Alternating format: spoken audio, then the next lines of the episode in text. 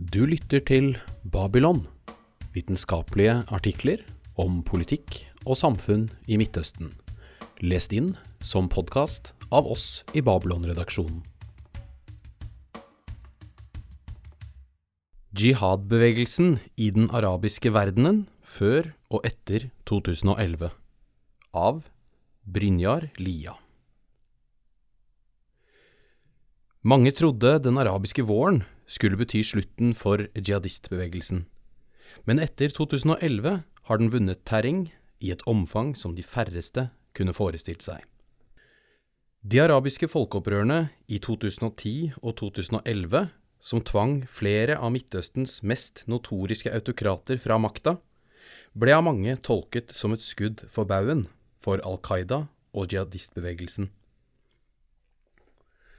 Demonstrantene på Tahrir-plassen i Kairo var ikke-voldelige demokratiaktivister som ropte sekulære slagord som 'Folket ønsker å velte regimet' og 'Brød, frihet og sosial rettferdighet'. Etter et tiår med intenst mediefokus på krigen mot terror, var det nå de sekulære demokratiforkjemperne sin tur.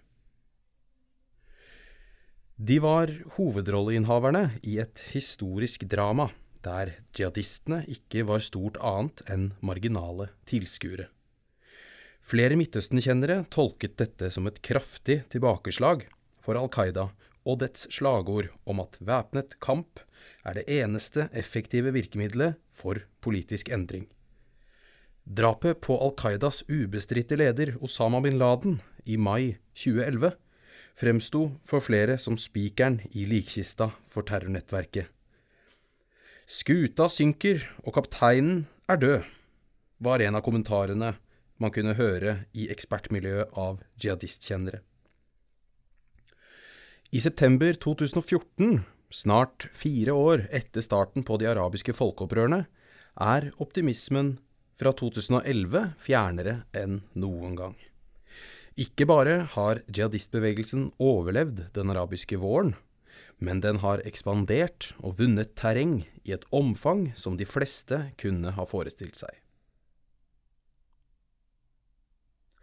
Per medio 2014 har jihadistbevegelsen flere mann under våpen, større territoriell kontroll og bredere geografisk nedslagsfelt i Midtøsten enn noen gang tidligere. Langt fra å gjøre Al Qaida irrelevant, ble folkerevolusjonene en gave til jihadistbevegelsen, hevder professor Mark Lynch ved Georgetown University. Hva har skjedd, og hvordan kan man forklare dette dramatiske skiftet? Denne artikkelen argumenterer for at jihadistbevegelsens ekspansjon må forstås som et utilsiktet resultat av folkeopprørene og et endret lokalt og internasjonalt fokus som til sammen har skapt helt nye rammebetingelser for radikale islamistgrupper i regionen. Statssammenbruddet i Libya, borgerkrigen i Syria, sterk intern uro, dyp politisk splittelse og maktkamp i Jemen og Irak, og islamistiske valgseirer i Egypt og Tunisia har på ulike måter gitt større handlingsrom for jihadistgrupper i regionen. Den nye geopolitiske situasjonen i Midtøsten har også endret seg i jihadistenes favør. I desember 2011 fullførte USA sin militære tilbaketrekning fra Irak, samtidig som den syriske borgerkrigen skapte et kortvarig interessefellesskap mellom Vesten og militante islamister i Syria. Resultatet ble at jihadistgrupper i Syria har kunnet etablere store og relativt trygge baseområder i det nordlige Syria, uten fare for amerikanske droneangrep og militæraksjoner. Samtidig er det fremvoksende landskapet av nye jihadistgrupper i regionen preget av større spennvidde, sprikende agendaer og sterkere interne uenigheter enn noen gang tidligere. Sånn sett må tesen om Al Qaidas comeback i Midtøsten kvalifiseres. Det er langt på vei nye og mer lokalt orienterte jihadistgrupper som nå gjør seg gjeldende, og flere av disse er vesensforskjellige fra bin Laden og al-Zawahiris Al Qaida, både ideologisk og operasjonelt. Deres vekst skyldes i betydelig grad deres vilje til å utvide sin aktivitetsarena utover væpnet kamp til politisk orientert gateaktivisme, sosial velferd og bistandsarbeid. I tillegg har de demonstrert en evne til å etablere effektive statsstrukturer i områder under deres kontroll, og de makter å utnytte effektivt sosiale medier som kommunikasjons- og propagandakanal. Al Qaida og jihadistbevegelsen før 2011.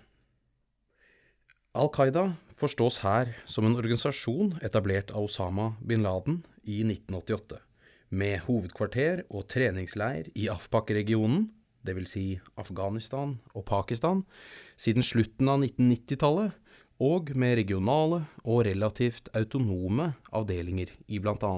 Irak, Saudi-Arabia, Jemen, Nord-Afrika og Somalia. Jihadistbevegelsen omfatter Al Qaida, men inkluderer også til en bredere bevegelse av opprørsgrupper, av nettverk og sympatisører som i stor grad deler Al Qaidas ideologi, men står ikke i noe kommando- eller lojalitetsforhold til Al Qaida-ledelsen. De gruppene hvis kommunikerer blir videreformidlet på de mest sentrale jihadistiske nettforaene, er en god indikator på hvem jihadistbevegelsen består av. Al Qaidas historie siden 1988 til i dag kan gjerne inndeles i fem faser. 1. Etableringsfasen 1988 til 1996. 2. Afghanistan-fasen 1996 til 2001. 3. På flukt etter Talibans fall 2001 til 2003.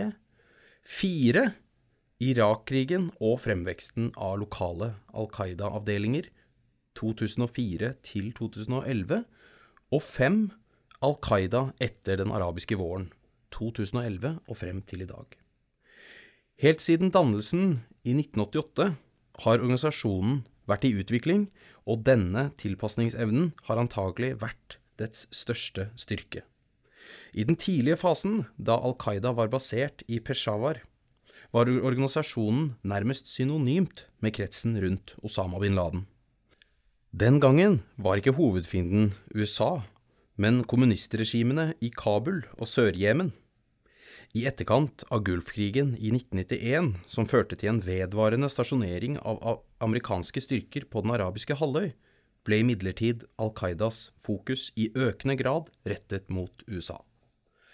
Fra sin nye base i Sudan mellom 1992 og 1996 etablerte Al Qaida seg som senteret i et globalt nettverk av lokale jihadistgrupper, der kjernepersonene var afghan-arabere fra det internasjonale islamistmiljøet i Peshawar under Afghanistan-krigen. Sånn sett var denne perioden startpunktet for det vi i dag kaller jihadistbevegelsen. Store, lokale jihadistgrupper, som den egyptiske al-Gama al-Islamiyya og den algirske Groupe Islamic Army hadde et mer distansert og anstrengt forhold til Al Qaida, og motsatte seg ethvert forsøk på diktat utenfra. Mindre jihadistgrupper med færre egne ressurser var derimot langt mer mottakelige for samarbeid med Al Qaida. Dette gjaldt bl.a. den egyptiske jihadistgruppen Egyptisk islamsk jihad, som under Ayman Zawahiris ledelse etablerte et tett samarbeid med bin Laden tilbake på 1980-tallet, og fusjonerte egyptisk islamsk jihad med Al Qaida i 2001. Perioden fra 1996 til 2001 var på mange måter Al Qaidas glansperiode. Sammenlignet med situasjonen i Sudan fikk Al Qaida langt større handlefrihet i Afghanistan, og organisasjonens virksomhet ble kraftig utvidet. De tre metaforene storbedrift, utdanningsinstitusjon og fortropp gir en idé om Al Qaidas rolle i denne perioden. Ved å yte finansiell, militær og annen støtte var Al Qaida førstehjelper for lokale islamistgrupper i Sørøst-Asia, Nord-Afrika og Midtøsten. Ved å bistå i etableringen av treningslærer i Afghanistan, Filippinene og Jemen ble Al Qaida gradvis den mest sentrale utdanningsinstitusjonen for militante islamister. Betydningen av disse treningsleirene kan knapt nok overvurderes. Al Qaidas rolle som fortropp er tydeligst i terroraksjonene.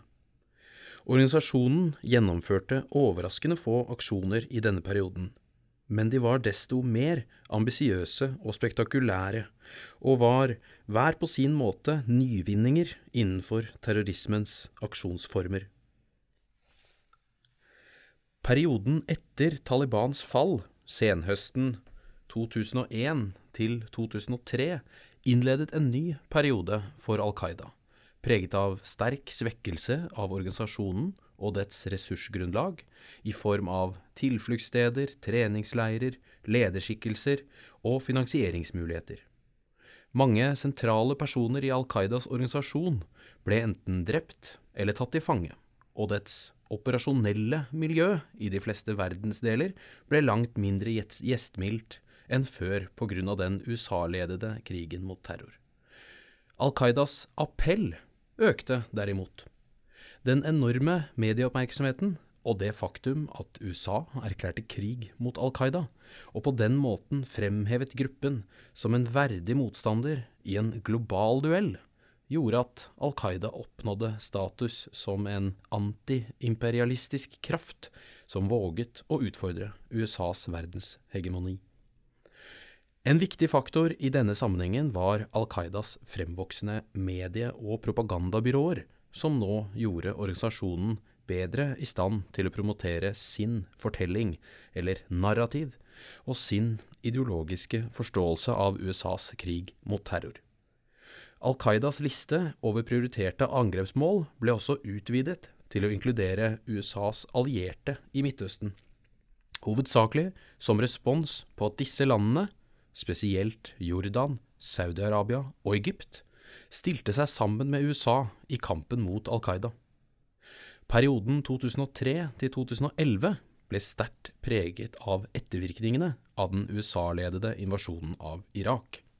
Den påfølgende okkupasjonen skapte ikke bare grobunn for en økende mistro mot Vesten i den muslimske verden, men bidro også til etableringen av en meget slagkraftig irakisk opprørsbevegelse som Al Qaida kunne støtte seg på. Mellom 2004 og 2006 var Irak den desidert mest omtalte fronten i Al Qaidas propaganda og på Al Qaidas sympatiserende nettsider. Høsten 2004 etablerte dessuten Al Qaida sin første formelle regionale bransjeavdeling, eller filial, i nettopp Irak. Denne utviklingen, mot regionalisering og dannelse av lokale Al Qaida-avdelinger og affilierte jihadistgrupper, fortsatte i tiåret som fulgte, med nye avdelinger i det sørlige Jemen, Maghreb, Somalia og ikke minst i Syria. Al Qaidas Irak-avdeling lyktes i å tiltrekke seg et stort antall rekrutter, hovedsakelig fra den arabiske verden, til selvmordsoppdrag i Irak. Utenfor Irak ble Al Qaidas terroraksjoner i stor grad motivert ut fra situasjonen i Irak. I kjølvannet av Irak-krigen innledet Al Qaida også en lengre terrorkampanje i Saudi-Arabia under ledelse av en annen slagkraftig regional filial, Al Qaida på den arabiske halvøy som vokste ut av et nettverk av tilbakevendende saudiske Afghanistan-veteraner. Etter 2007 kom Al Qaida på defensiven i Irak. Dets forsøk på statsdannelse gjennom å utrope seg selv til den islamske staten i Irak strandet i mangel av en reell territoriell kontroll og motbør fra andre irakiske sunni-arabiske opprørere, som mislikte ISIS brutale metoder og forsøk på å overta lokale, lukrative smuglernettverk. I siste halvdel av 2000-tallet ble Al Qaidas Irak-avdeling og den islamske staten i Irak desimert som resultat av rivalisering i den irakiske opprørsbevegelsen og kraftig opptrapping av amerikansk troppenærvær i landet.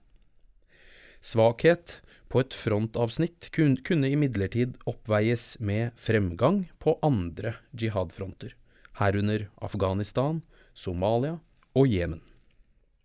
Gjenetableringen av Afghanistan-fronten er et godt eksempel på Al Qaidas evne til å skifte fokus og etablere relasjoner til lokale opprørsgeriljaer. Etter flukten fra Afghanistan i 2001 til 2002 hadde Al Qaida viet forholdsvis lite oppmerksomhet til operasjoner i Afpak-regionen, sammenlignet med Irak og Saudi-Arabia. Omslaget kom allerede i 2005 da fire sentrale Al Qaida-aktivister maktet å rømme fra fangeleiren ved den amerikanske basen i Bagram. Samtidig begynte Taliban-geriljaen for alvor å gjøre seg gjeldende som en militær utfordring for koalisjonsstyrkene.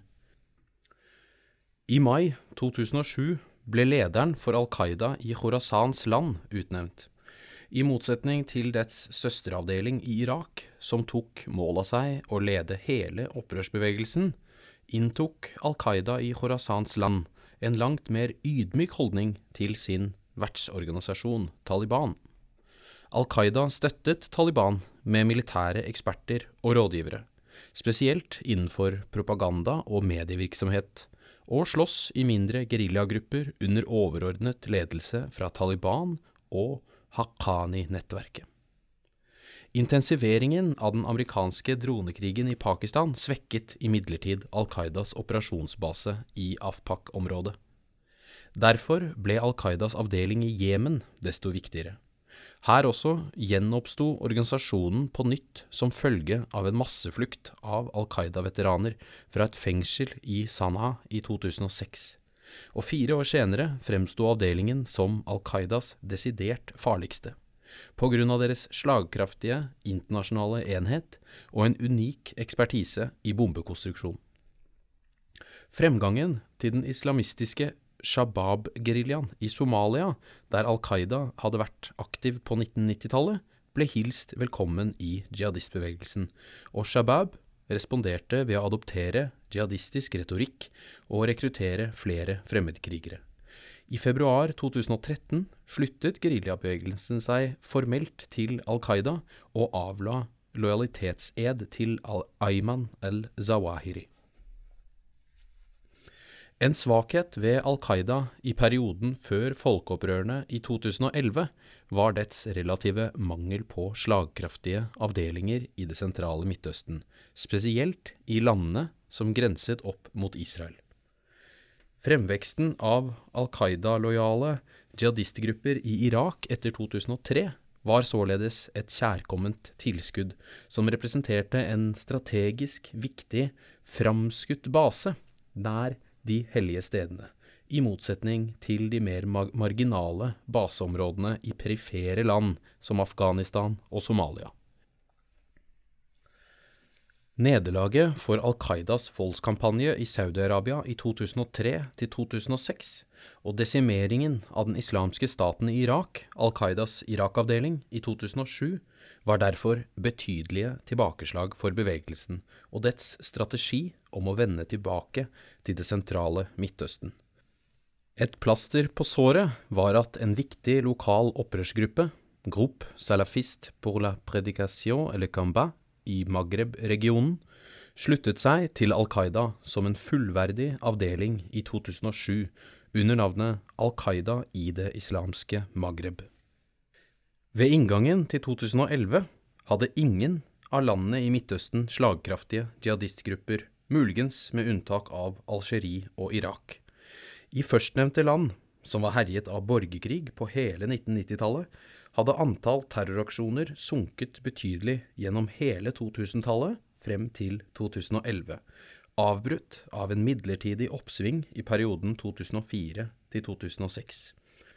Al Qaida i det islamske Maghreb var tydelig svekket i sitt tradisjonelle kjerneområde i nordøstlige Algerie, men hadde ekspandert noe sørover i Sahel-regionen.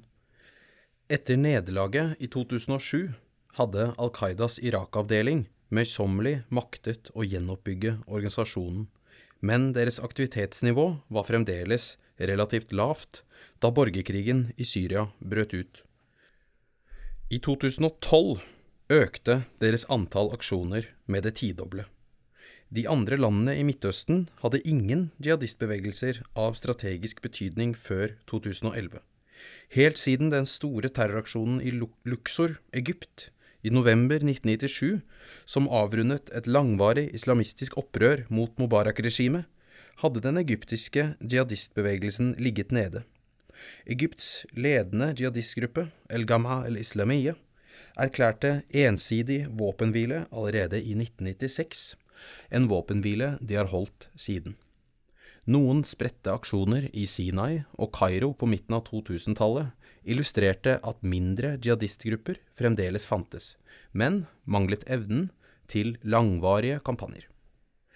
Regimets intense antiterrorkampanje, koblet sammen med et deradikaliseringsprogram for titusener av islamister i egyptiske fengsler, tvang fram et ideologisk skifte. Flere av Egypts ledende jihadistideologer hevdet nå at voldsbruk for politisk endring ikke lenger var legitimt, fordi det ikke ga resultater. Spredte forsøk på å etablere jihadistgrupper i Gaza førte heller ikke frem, selv om de representerte en ideologisk og i mindre grad militær utfordring for Hamas, som styrte landstripen etter en maktovertagelse i 2007. På samme måte led jihadistene i Tripoli, Libanon, nederlag da de utfordret den libanesiske hæren i mai 2007 gjennom et væpnet opprør i flyktningleiren Nahr el-Bered. Jordan hadde et aktivt islamistisk ekstremistmiljø med ledende ideologer som inspirerte og veiledet jihadister i en rekke land, men manglet selv lokale operative grupper. Syria hadde heller ingen væpnet intern opposisjon ved inngangen til 2011. Helt siden massakren som fulgte Hama-opprøret i 1982, var islamistbevegelsen omtrent fraværende som politisk kraft internt i Syria. Irak-krigen i 2003 skapte imidlertid et underlig interessefellesskap mellom militante salafister og det syriske Baath-regimet, da Bush-administrasjonen hintet om at Damaskus var nestemann på listen.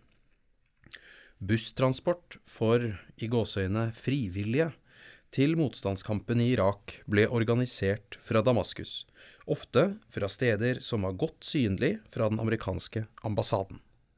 Med en økende tilstrømning av militante salafister fra hele verden ble fremmedkrigerkontingenten såpass stor at den hjalp Al Qaidas Irak-avdeling til å bli den dominerende aktøren i motstandsbevegelsen.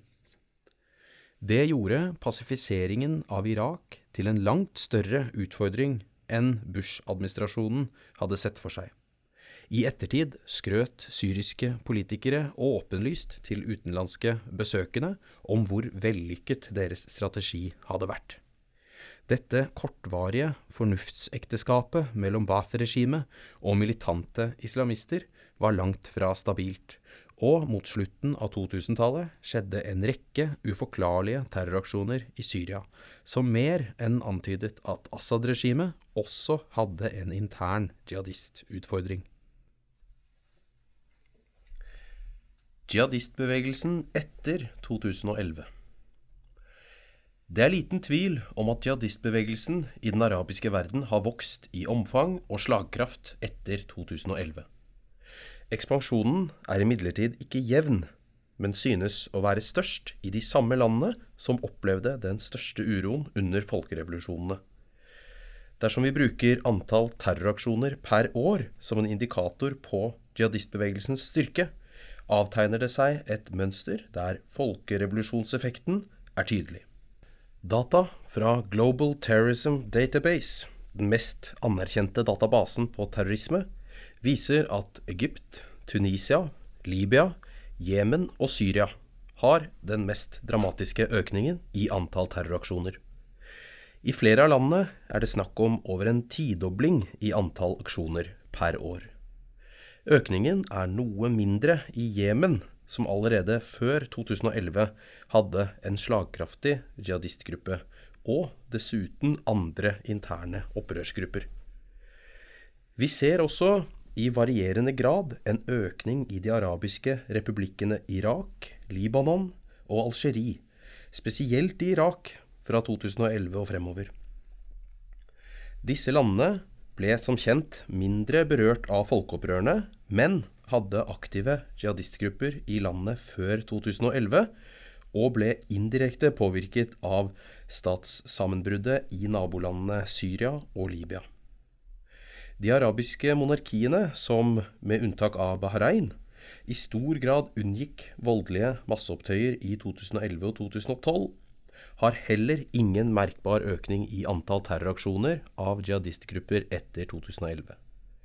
Den regionen der jihadistgruppene har ekspandert aller mest etter 2011, er Syria og Irak, der opprørsgruppen Den islamske stat, eller IS, nå kontrollerer et større landområde og har flere titusen mann under våpen. Grunnlaget for denne ekspansjonen er sammensatt, men effektene av folkeopprørene i 2011 er, som vi skal se, en av de viktigste faktorene. Mobiliseringsgrunnlaget til jihadistbevegelsen i Irak har helt siden midten på 2000-tallet vært Bagdad-regjeringens manglende vilje til å inkludere den sunni-arabiske minoriteten i Irak.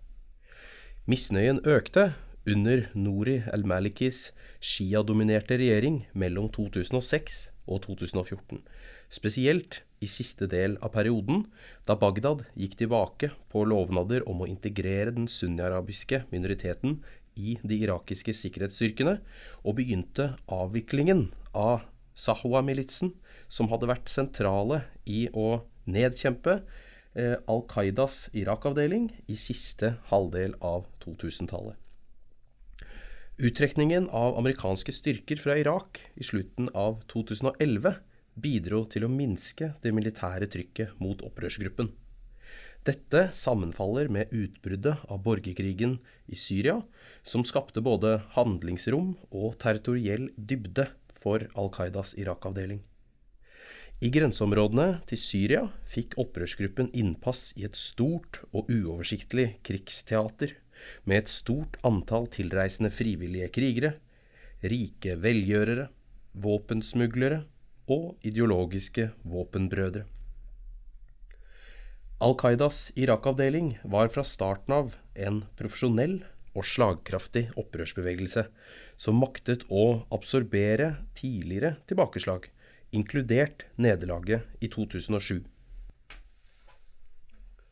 Selv om bortfallet av amerikanernes intense antiterrorkampanje var avgjørende for Al Qaidas Irak-avdelings tilbakekomst, bidro flere andre omstendigheter i samme retning. Irakiske fengsler, der titusener av sunni-arabiske opprørere satt fanget, fungerte i mange tilfeller som sosialiseringsanstalter for den islamske i staten i Irak, der bl.a. dets nåværende leder, Abu Bakr el-Baghdadi fikk noe av sin skolering. En serie av fengselsopprør og rømninger i juli 2013 brakte over 500 islamsk stat-medlemmer tilbake i organisasjonens rekker. Folkeopprøret mot det brutale Assad-regimet i Syria åpnet for helt nye ekspansjonsmuligheter for den islamske staten i Irak som nå for alvor ble en territoriell aktør. Etter å ha erobret territorier i Syria endret gruppen navn til Den islamske staten i, Irak og Levanten, ISIL, i april 2013. Senere, etter den overraskende erobringen av Mosul og sentrale deler av vestlige Irak i juni 2014, kom nok en navneendring. Den islamske staten, IS, ble erklært opprettet. Organisasjonen plasserte seg selv ideologisk tett opptil irakisk sunni-arabisk nasjonalisme og sjåvinisme. Med sitt intense hat mot Iran, Iraks sjiamuslimske majoritet og kurdiske minoritet, og sin brutale, monopoliserende politikk Overfor alle tenkelige rivaler har IS mange likhetstrekk med det irakiske Baath-partiet. Og det er kanskje nettopp denne lokale tilpasningen som er noe av hemmeligheten til oppslutningen om organisasjonen i de sunni-arabiske majoritetsområdene i Irak. Den islamske statens militære fremgang i 2013 og 2014 skyldtes ikke bare det økte ressursgrunnlaget fra fristedene i Syria, men kan også forklares med IS sin alliansepolitikk overfor andre sunni-arabiske aktører, fra lokale stammeledere til gjenværende Baath-partistrukturer, representert ved bl.a. Jaish Rijal at-Tariqa al-Naqshbandiyah IS sin brobyggingspolitikk er imidlertid kun kortsiktig og opportunistisk, og i takt med dets økende økonomiske og militære styrke fremstår organisasjonen som ekstremt territoriell i ordets videste forstand. IS vier mye mer ressurser til å konsolidere territoriell kontroll sammenlignet med andre aktører i jihadistbevegelsen. Utnevningen av IS sin leder, Abu Bakr el-Baghdadi, til eh, kalif Ibrahim og etableringen av IS som et kalifat i juni 2014 representerte det kanskje mest dramatiske skrittet i IS' maktdemonstrasjon vis-à-vis -vis andre opprørsgrupper. Kalifaterklæringen innebar en religiøs forpliktelse til lydighet og underkastelse, og fremtvang således en enten-eller-situasjon, der alle andre former for relasjon enn ren underkastelse var å betrakte som kjetterskap og forræderi. IS sine maktambisjoner illustreres også ved at organisasjonen i lange perioder har prioritert utrenskning av jihadistiske rivaler og konkurrenter fremfor direkte konfrontasjoner med Assad-regimet. De blodige konfrontasjonene mellom IS og Jabhat Nusra, Al Qaidas uoffisielle avdeling i Syria, har reist spørsmål om IS representerer en fundamental trussel mot Al Qaidas lederposisjon i jihadistbevegelsen. En rekke av de nye jihadistgruppene som oppsto etter 2011, herunder Ansar Beit el-Maqdis i Egypt, Ansar Sharia i Tunisia og Jund el-Khilafa i Algerie har uttrykt støtte til IS og dets nyopprettede kalifat, på tross av at Al Qaida-ledelsen har gått til det dramatiske skrittet å fraskrive seg enhver befatning med gruppen. Denne splittelsen bør imidlertid ikke tolkes som en svekkelse for jihadistbevegelsen som sådan. IS' forløpere, spesielt Al Qaidas Irak-avdeling, var også på kollisjonskurs med Al Qaida-ledelsen. Væpnede sammenstøt mellom jihadistgrupper har vært begrenset til Syria, og de pågående USA-ledede bombeangrepene i Irak og Syria vil antakelig lede til økt samhold og slutting av rekkene. Det vi nå ser, er en antakelig fremvekst av en ny generasjon av jihadister som har fått større spillerom i regionen etter folkeopprørene, og som nå ønsker en ny kurs og ser til IS for lederskap. En viktig sideeffekt av folkeopprørene er at de i betydelig grad endret Midtøstens geopolitikk bort fra det ensidige fokuset på Al Qaida og krigen mot terror, til et mer diffust konfliktbilde, der autoritære arabiske regimer ikke lenger ble sett på som en uunnværlig alliert og stabiliserende faktor. Gaddafi-regimets voldsbruk i 2011 banet vei for vestlig militær inngripen på opprørernes side, og det syriske Baath-regimets brutalitet og kjemiske krigføring brakte USA og Vesten på kanten av en militær intervensjon til støtte for revolusjon.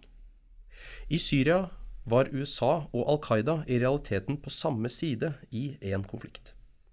Dette gjorde at jihadistbevegelsen helt frem til oktober 2014 kunne ekspandere sitt nærvær i Syria uten frykt for dronekampanjer eller militære angrep fra en teknologisk sofistikert supermakt.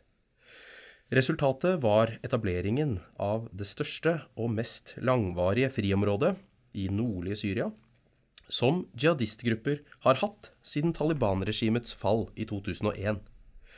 Det syriske regimet så seg også tjent med en jihadisering og kriminalisering av den syriske opprørsbevegelsen, og rettet sine militære offensiver mot de moderate opprørsgruppene, mens IS fikk bygge sin ministat i nordlige Syria i fred.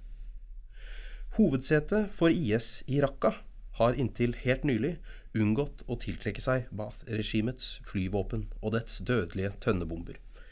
Dette store friområdet, den relativt enkle tilgangen via grenseovergangene fra Libanon og Tyrkia, og ikke minst jihadistbevegelsens uovertrufne transnasjonale mobiliseringsnettverk la grunnlaget for historiens største mobilisering av fremmedkrigere til et krigsteater. Anslagsvis 15 000 fremmedkrigere slåss med jihadistbevegelsen i Syria og Irak.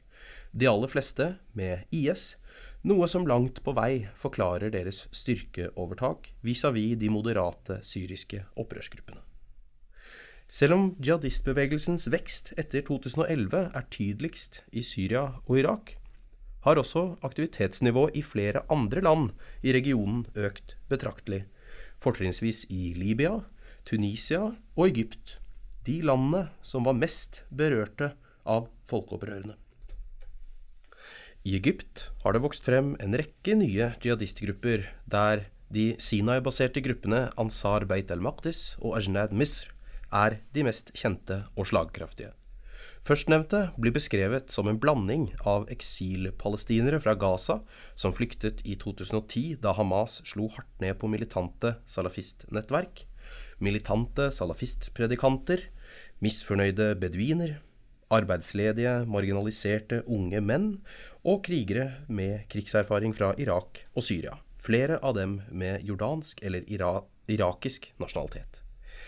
Med IS økte status og dets ekspansjon i Syria og Irak er det flere tegn på at egyptiske jihadistgrupper, spesielt Ansar Beit el-Maqdis, søker mot IS, bl.a for å få opplæring og tilegne seg ekspertise.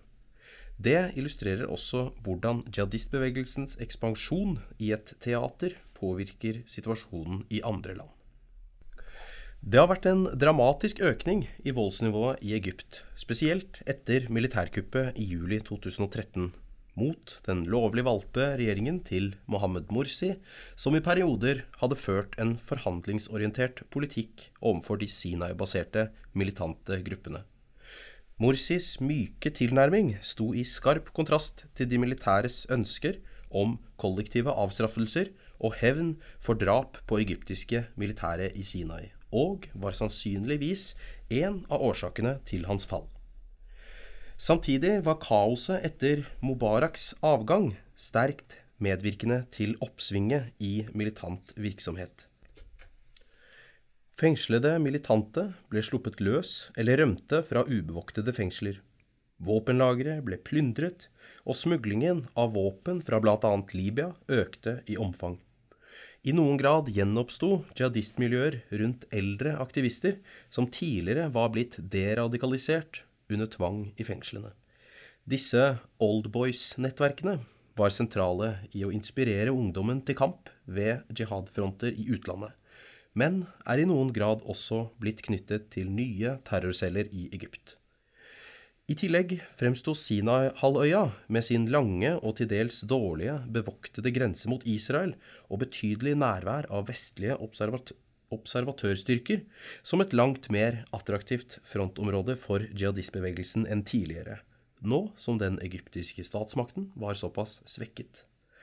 I første omgang var det gassrørledninger til Israel som ble angrepet, men etter hvert ble også israelske grensemål, utenlandske fredsobservatører, turister og ikke minst egyptiske sikkerhetsstyrker rammet.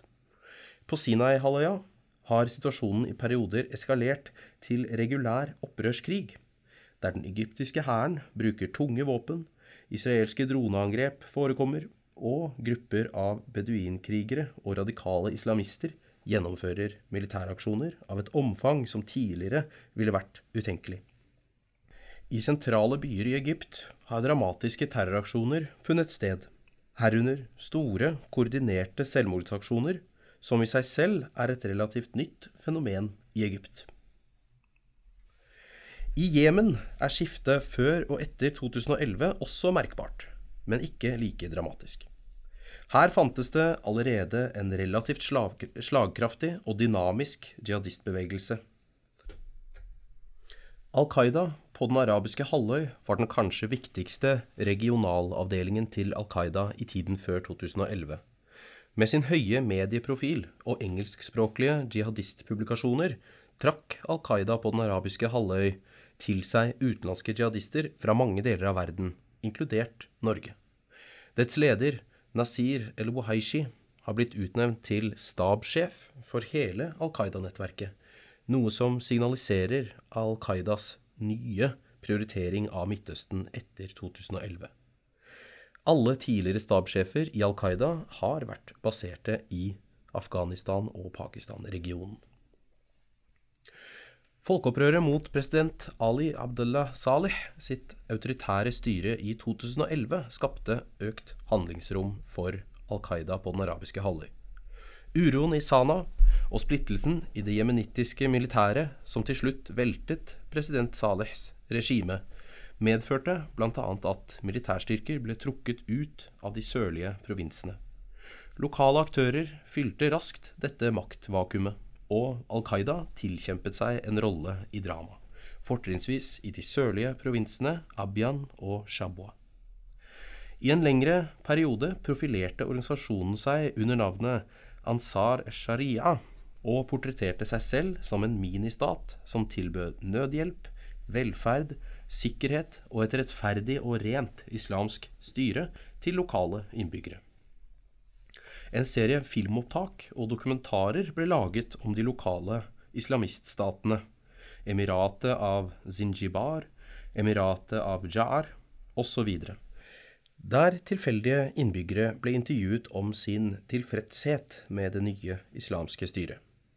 Al Qaida på den arabiske halvøy overdrev antagelig sin egen rolle, og manglet dessuten ressursene til å styre og holde territorier over tid. I 2012 og 2013 ble deres friområder gjenerobret, men Al Qaida er fremdeles en betydelig sikkerhetsutfordring i Jemen, med høy aktivitet og evne til å utnytte perioder med politisk uro i landet til egen konsolidering og ekspansjon. Al Qaidas promotering av seg selv som en statsaktør med vilje til å innføre islamsk styre og tilby innbyggerne sikkerhet og velferd, representerte en stadig viktigere trend i jihadismen i den arabiske verden etter 2011. Ansar Sharia-bevegelsen i Jemen var bare én av mange slike Ansar Sharia-grupperinger som oppsto i både Midtøsten og i Europa med sitt fokus på lokalt hjelpearbeid, velferd, gateaktivisme, islamsk moral, islamsk rettshåndheving osv., representerte disse bevegelsene en mykere utgave av Al Qaidas jihadisme, der tilpasning til lokale forhold er viktigere enn den globale militære kampen. Jihadismekjenneren Aaron Zelin mener Ansar Sharia-bevegelsene representerer en tilbakevending til en mer multipolar jihadosfære. Mer lik den situasjonen man hadde på 1990-tallet, før Al Qaidas globale jihad og USAs krig mot terror ble det dominerende paradigmet. Denne parallellen er imidlertid bare delvis dekkende. Dagens Ansar Sharia-bevegelser er mer integrert i globale mobiliseringsnettverk gjennom sosiale medier og omfattende reisevirksomhet enn det 1990-tallets jihadistgrupper var. De rekrutterer til og deltar i fremmedkrigeraktivitet i et omfang som deres forgjengere ikke gjorde. Tunisias Ansar Sharia-bevegelse er et eksempel. Anslagsvis 3000 tunisere har reist som fremmedkrigere til Syria siden 2011, og Ansar Sharia-aktivister antas å være sentrale i denne mobiliseringen.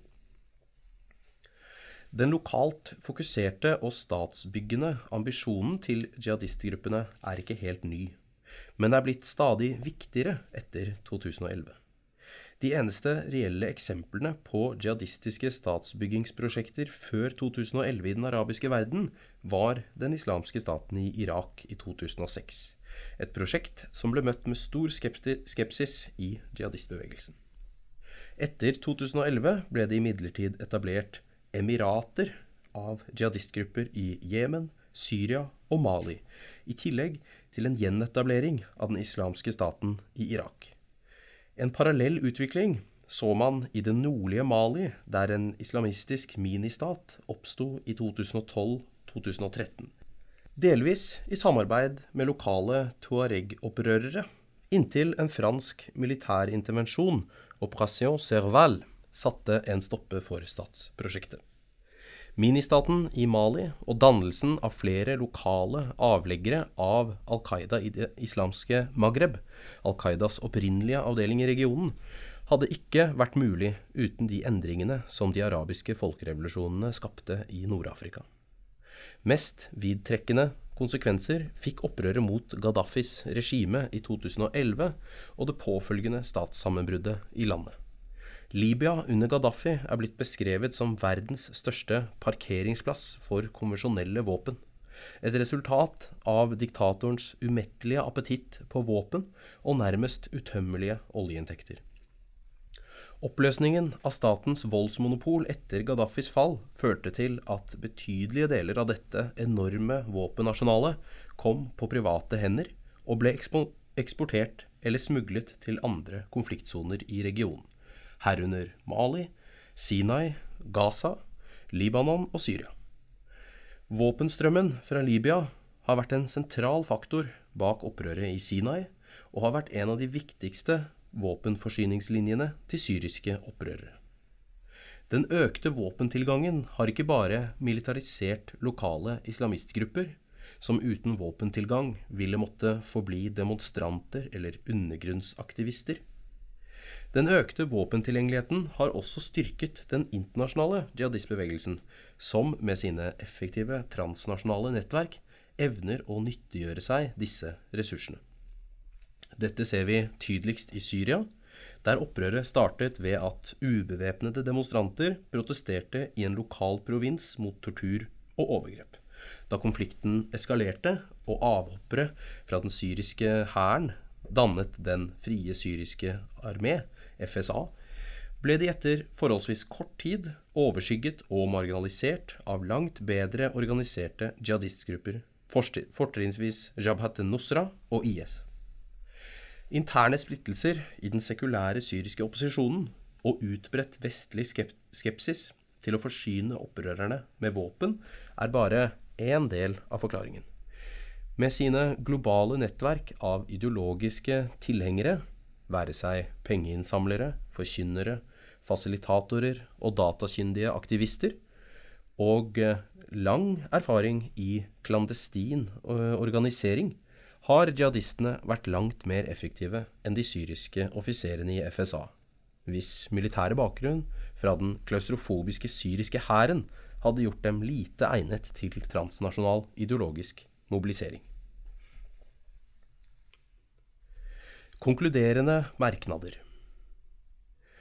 Dersom vi skal trekke frem noen mer overordnede forklaringer på overlevelsesevnen og fremgangen til jihadistbevegelsen i de omskiftelige omstendighetene som har preget Midtøsten siden 2011, er det særlig to forhold som kan være illustrerende, nemlig ideologisk smitteeffekt og den ikke-territorielle karakteren til panideologiske opprørsbevegelser.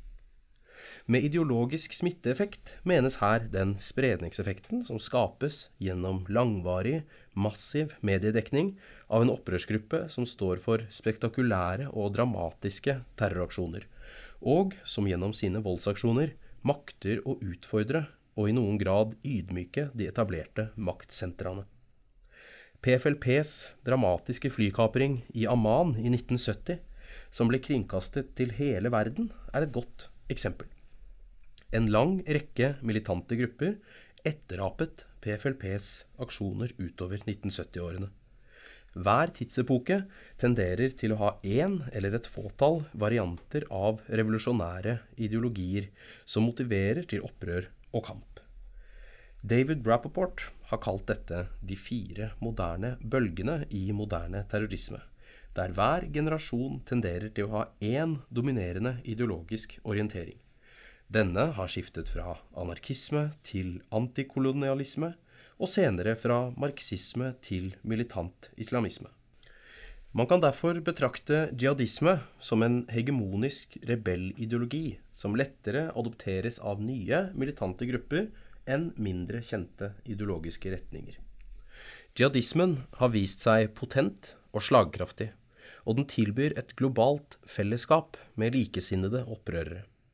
De nye internettbaserte mediene skaper dessuten rom og arenaer for å bygge denne type globale ideologiske fellesskap. En annen forklaring på jihadistbevegelsens kontinuerlige appell er dets ikke-territorielle karakter. Med det menes at jihadistene ideologisk sett ikke er bundet til ett spesifikt territorium, slik nasjonalistiske frigjøringsbevegelser er, jf. PLO, PKK og Polisaro. Jihadistbevegelsens fremtid avgjøres dermed ikke av tilbakeslag på ett frontavsnitt eller i ett land. Ved å omdefinere kampen fra nasjonale bestrebelser for en islamsk stat til en global kampanje for islamsk frigjøring og et fremtidig verdenskalifat, makter jihadistene således å gjøre bevegelsen langt mer motstandsdyktig. Gjennom en slik desentralisert organisering kan enhver jihadist i prinsippet velge sin jihad og sin organisasjon det være seg Al Qaidas forgreninger i Jemen eller i Nord-Mali, IS i Syria og Irak eller Emiratet i Nord-Kaukasus. Slik sett fremstår jihadistbevegelsen som et delvis deterritorialisert opprør, der raske overflyttinger til nye kamparenaer ikke bare er mulig, men også ønskelig. Den eksplosjonsartede veksten i Al Qaidas Irak-avdeling etter 2003 er illustrerende på hvor raskt jihadistbevegelsen kunne bygge seg opp i et land uten en hjemlig jihadistbevegelse. Noe tilsvarende så vi i Syria etter 2011. Mobiliseringen av fremmedkrigere, betydelig tilgang på ekstern finansiering og et effektivt apparat av nettkyndige medieaktivister er noe av grunnlaget for jihadistgruppens styrke og mobilitet. Dette deterritorialiserte aspektet ved jihadistbevegelsen forhindrer likevel ikke at mange av de nye militante islamistgruppene som har oppstått i Midtøsten etter 2011, fra Ansar Beit el-Maqdis til Ansar e-Sharia i Tunisia, har sterke lokale forankringer og lokale agendaer. Den territorielle faktoren er fremdeles viktig. Den pågående rivaliseringen mellom Al Qaida-lederskapet og IS har sin basis i at sistnevnte har ekspandert utover sitt tradisjonelle baseområde i Irak, og etablert et nettverk av likesinnede og sympatiserende grupper på samme måte som Al Qaida selv ekspanderte på 1990-tallet. IS' økende popularitet blant unge jihadistsympatisører, både i Midtøsten og Europa, utgjør per dags dato kanskje den største ideologiske trusselen mot det gamle Al Qaida-lederskapet. Dette viser også hvor kritisk den globale og panislamistiske karakteren til jihadistbevegelsen er for dets langsiktige overlevelse. Midtøsten har lange tradisjoner for transnasjonale ideologiske bevegelser, fra al-Afghanis tidligere pan-islamisme til Baath-partiets pan-arabisme og islamistbevegelsens panislamistiske solidaritetsbevegelse. I denne rike tradisjonen har dagens jihadistbevegelse maktet å tilrive seg en plass. Du hørte jihad-bevegelsen i den arabiske verden før og etter 2011 av Brynjar Lia. Hvis du vil høre mer fra Babylon, så kan det være lurt å trykke på abonner. Da blir du varslet så fort en ny podkastepisode blir tilgjengelig. Det er også flere måter å få tak i den trykkede utgaven av Babylon, der du vil kunne finne relevante illustrasjoner og fotnoter som har blitt utelatt i lydsporet. Utgaven fås kjøpt i de fleste Narvesen-butikker, eller du kan bli abonnent via nettsida vår på tidsskriftet babylon.no. Da får du tidsskriftet rett hjem i postkassa. I tillegg er alle våre artikler tilgjengelig helt gratis som PDF på nettet. Takk for nå. Vi høres igjen snart.